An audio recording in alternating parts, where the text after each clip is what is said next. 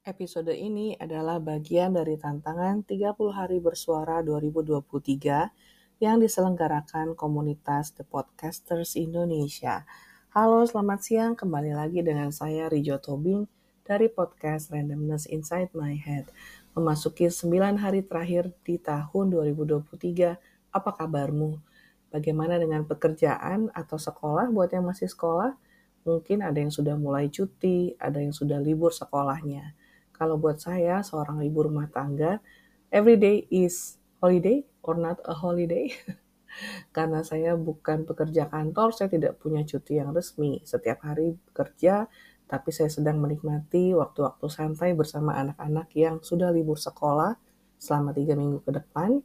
Dan juga saya sudah selesai uh, dengan les bahasa Korea minggu lalu. Jadi minggu minggu ini adalah minggu-minggu yang slow down. Nah, tema yang diberikan pada hari ini adalah manipulasi. Manipulasi bagi saya sendiri adalah suatu bentuk kekejian. Mungkin bahasanya terdengar berat, tapi memang efek dari manipulasi, walaupun pada awalnya dilakukan dengan tidak serius atau bercanda atau ya main-main aja, tapi efek jangka panjangnya atau efek akhirnya bisa berakibat fatal, bahkan sampai penghilangan nyawa. Manipulasi menurut saya bisa dibagi ke dalam dua hal, manipulasi perasaan dan yang kedua manipulasi pikiran. Kalau soal manipulasi pikiran, pada akhirnya orang akan mendapatkan kembali akal sehatnya. Itu yang saya percaya. Jadi mau ditipu kayak gimana pun, suatu saat dia akan tersadar. Entah karena kesadaran dari dirinya atau dari orang-orang sekitarnya yang membangunkan. Hei, lu tuh lagi ditipu lo, lu tuh lagi dibohongin tapi yang kedua, soal manipulasi perasaan ini lebih akut efeknya karena hampir nggak ada obatnya menurut saya. Seperti orang bilang, cinta tanpa sebab, cinta itu tidak bisa diketahui penyebab tepatnya. Kenapa kamu cinta sama itu? Kenapa kamu suka sama hal itu? Ya suka aja, ya cinta aja. Rata-rata orang akan menjawab demikian. Dan seperti cinta, benci juga demikian. Dan iri hati juga demikian. Jadi banyak sih sebenarnya emosi yang tidak mempunyai penyebab yang jelas, tapi timbul begitu saja dan kita nggak tahu secara tepat penyebabnya. Yang kita rasakan adalah itu dan kita bertindak berdasarkan perasaan-perasaan itu. Nah, untuk manipulasi perasaan ini lebih menyakitkan efeknya kalau orang yang dimanipulasi sudah tersadar. Dan um, saya sendiri melihat satu contoh, uh, jadi ada kenalan keluarga saya uh, si anak yang pertama itu pernah berpacaran dengan seorang pria waktu kuliah kuliah menjelang akhir sampai ke masa kerja. Nah, setelah lama bersama-sama ternyata si pacar ini mendua atau mentiga atau banyak lah. Intinya si kakak ini saya panggil kakak kan, si kakak ini dimanipulasi perasaannya, dianggap Eh, dia menganggap dirinya dicintai, dia menganggap dirinya satu-satunya bagi pria ini ternyata enggak. Nah, waktu dia tahu dia patah hati banget. Nah, apa yang kita bisa lakukan ketika orang lain patah hati? Menurut saya nyaris nggak ada. Jadi, kebutuhan untuk kembali bangkit dan melupakan masa lalu itu harus dari orangnya sendiri. Kita cuma bisa ngomong, tapi ngomong pun mental pasti, karena dia udah bikin mental wall yang nggak mau dengar apa-apa, cuma berkubang di perasaannya sendiri si kakak ini patah hati banget sampai menolak makan, menolak keluar dari kamar. Sehari-hari di kamar, sehari-hari merenung, menangis, begitu aja bertahun-tahun loh, bertahun-tahun. Gak cuma satu dua hari, itu bertahun-tahun. Sampai semua orang tahu si pria ini udah menikah, udah berkeluarga, udah bahagia, tapi si kakak ini masih sangat bersedih karena udah ditipu mentah-mentah gitu ya menurut dia sampai lama-kelamaan otot kakinya mengecil karena nggak pernah dipakai aktivitas dan beberapa saat setelah itu meninggal dunia. Jadi saya ngelihat sendiri efek dari manipulasi perasaan itu terhadap seseorang dan itu mengerikan buat saya. Waktu si kakak meninggal itu waktu saya kuliah tingkat tiga apa ya. Di situ saya jadi sangat berhati-hati. Gimana soal perasaan itu jujur aja. Kalau suka bilang suka, nggak suka bilang nggak suka. Saya nggak ngerti apa maksud dari si pria itu dulu menipu si almarhum kakak ya. Apa demi materi atau gimana. Karena si kakak datang dari keluarga yang berkecukupan. Tapi uh, melihat si kakak pergi begitu saja dan keluarga yang sangat terpukul dengan kepergiannya. Ya, sebagai orang, kenapa sih cari masalah gitu? Kenapa sih manipulasi orang? Demi keuntungan pribadi atau memang uh, suka aja jangan-jangan. Jangan suka aja memanipulasi orang, suka melihat orang menderita. Kalau kayak gitu ya, ya something's wrong with you gitu kan. Nah, soal manipulasi perasaan saya jadi teringat uh, seorang teman waktu saya masih kuliah. Jadi saya tinggal di kos-kosan cewek uh, di dekat kampus. Sebenarnya saya berasal dari kota yang sama dengan kampus saya, tapi karena kesibukan di lab dan uh, waktu commuting yang cukup banyak ya, dua jam kurang lebih pulang pergi, itu lebih baik digunakan untuk belajar. Jadi saya kos selama dua tahun, tingkat dua dan tingkat tiga. Nah, di kosan itu ada seorang teman, uh, saya bilang teman karena saya berelasi dengan dia ya, bukan cuma satu kos, tapi memang teman gitu, satu angkatan tapi beda jurusan. Yang digandrungi sama berbagai, eh, sama banyak cowok lah ya. Jadi banyak yang naksir dia, banyak yang nembak dia gitu. Nah, termasuk teman-teman saya lain yang cowok, semuanya kayaknya gantian yang nembak dia. Tapi nggak ada satupun yang diterima uh, waktu tingkat tiga ada satu orang cowok uh, angkatan 97, saya kan angkatan 2000, itu suka sama dia, terus nggak deketin, dan kos kami tuh kebetulan deket. Uh, tapi nggak ditanggepin, jadi malu-malu kucing jual mahal gitulah. Sampai suatu ketika si cowok ini ya udah kalau lu nggak suka ya udah gue berhenti aja gitu kan. Nah begitu si cowoknya berhenti, si teman saya ini ngomong sama orang lain, kok si mas itu nggak pernah deketin lagi ya gitu. Jadi kan kita heran ya dengernya lu sebenarnya suka atau enggak, kenapa lu mainin perasaan orang banget gitu kan.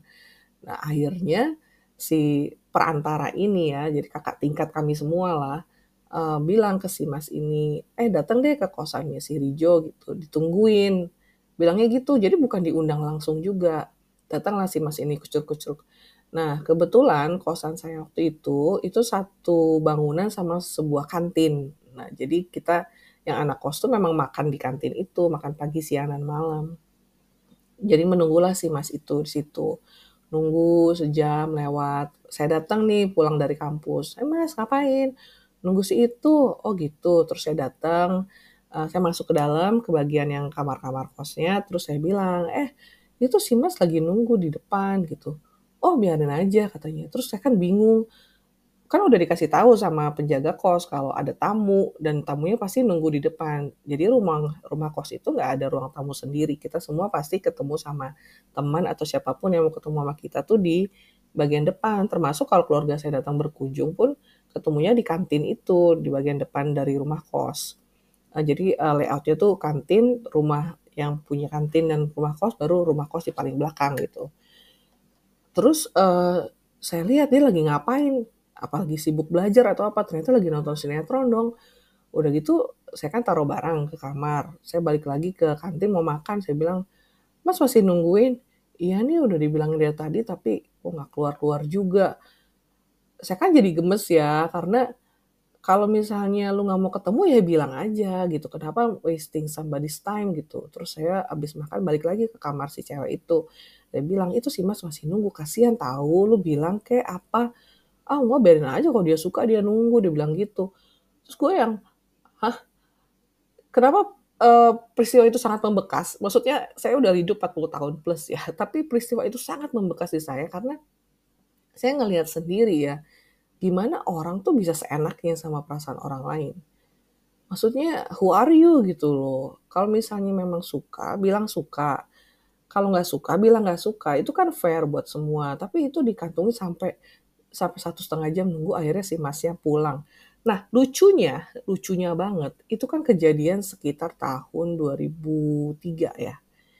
Tahun 2003 tahun 2020 saya kenalan sama Cho Sweeney kalau kamu pengen tahu siapa Cho Sweeney, coba dengerin podcast The Cho Sisters. Itu partner podcast saya di sebelah. Cho Sweeney ini adalah teman dari si Mas itu. Dan dia ada di hari itu. Dia ada di hari kejadian di mana si Mas uh, menunggu selama satu setengah jam di kosan gue, terus pulang dengan bete. Dan si Choswini itu lagi ada di kos-kosan itu lagi ngerjain tugas bareng-bareng yang lain dan dia tahu gimana um, menjurus ke sakit hati juga kali ya karena dipermainkan si Mas itu. Dan kami tuh bisa merecall hari yang sama. Itu kan lucu karena buat dia itu berkesan buat Joshua ini ya. Dan buat gue juga betapa gue melihat orang tuh bisa segitu jahat sama orang lain. Dan buat Joshua ini juga ini, ini cewek keterlaluan banget. Apa ngapain gitu ngumpulin fans kah gitu kan. Tapi memang itu yang terjadi sih sepanjang kuliah sampai uh, saya lulus pun dia melakukan hal yang sama berulang kali pada berbagai pria gitu jadi manipulasi perasaan tuh jelek ya efeknya karena uh, kamu nggak bisa lepas dari perasaan uh, apa ya merasa bodoh merasa bodoh karena ditipu merasa tidak berdaya itu buat si korban itu nggak bisa lepas dalam beberapa waktu kemudian aja. Bisa butuh waktu lama untuk sembuh dari perasaan e, direndahkan, perasaan tidak dianggap penting, perasaan disepelekan, hal-hal seperti itu. Kalau kamu e, apa ya, mungkin nggak ada maksud untuk memanipulasi perasaan. Ini kan kaitannya lebih banyak ke soal percintaan ya. E, coba pikirin kalau kamu digituin kamu bakal gimana. Itu sih menurut saya. Karena uh, si itu saya tahu uh, akhirnya menikah dengan cowok yang begituin ke dia. Talk about karma ya. Jadi uh, dia menikah dengan orang yang dia suka duluan tapi orang ngegantungin dia. Nah, terus kita yang satu angkatan kan suka bercanda. Iya, dulu dia udah begitu ke berapa puluh cowok, sekarang kena batunya gitu. Karena karma itu ada. What goes around comes around. Makanya ada pepatah, do what others, what you want others to do to you. Kalau kamu pengen dibaikin, ya baik orang. Kalau pengen dijahatin, ya jahat aja ke orang. Pasti orang jahat balik ke kamu gitu kan. Nah itu manipulasi perasaan. Kalau manipulasi pikiran, ah banyak ya. Contoh, mau sekolah setinggi apa pun, kalau di lead dengan perasaan, ya bisa dimanipulasi juga. Jadi kita lihat ya hierarkinya dari manipulasi perasaan ke pikiran yang paling tinggi pasti perasaan. Kenapa bisa benci ya kan benci aja. Kenapa bisa cinta ya cinta aja. Udah dimanipulasi begitu tuh udah susah berpikir dengan akal sehat. Jadi hatinya yang memimpin gitu untuk semua pengambilan keputusan. Kalau saya tipe orang gimana? Hmm, saya balance sih dua-duanya, pikiran dan perasaan. Untuk semua hal yang dirasa, saya coba analisa dengan logika. Untuk semua hal yang masuk logika, saya coba rasa. Pas nggak ke saya? Kayaknya itu sih yang membuat saya bisa memilih pasangan hidup, memilih tempat kerja, dan lain-lain. Kalau saya pernah dimanipulasi nggak? Pernah.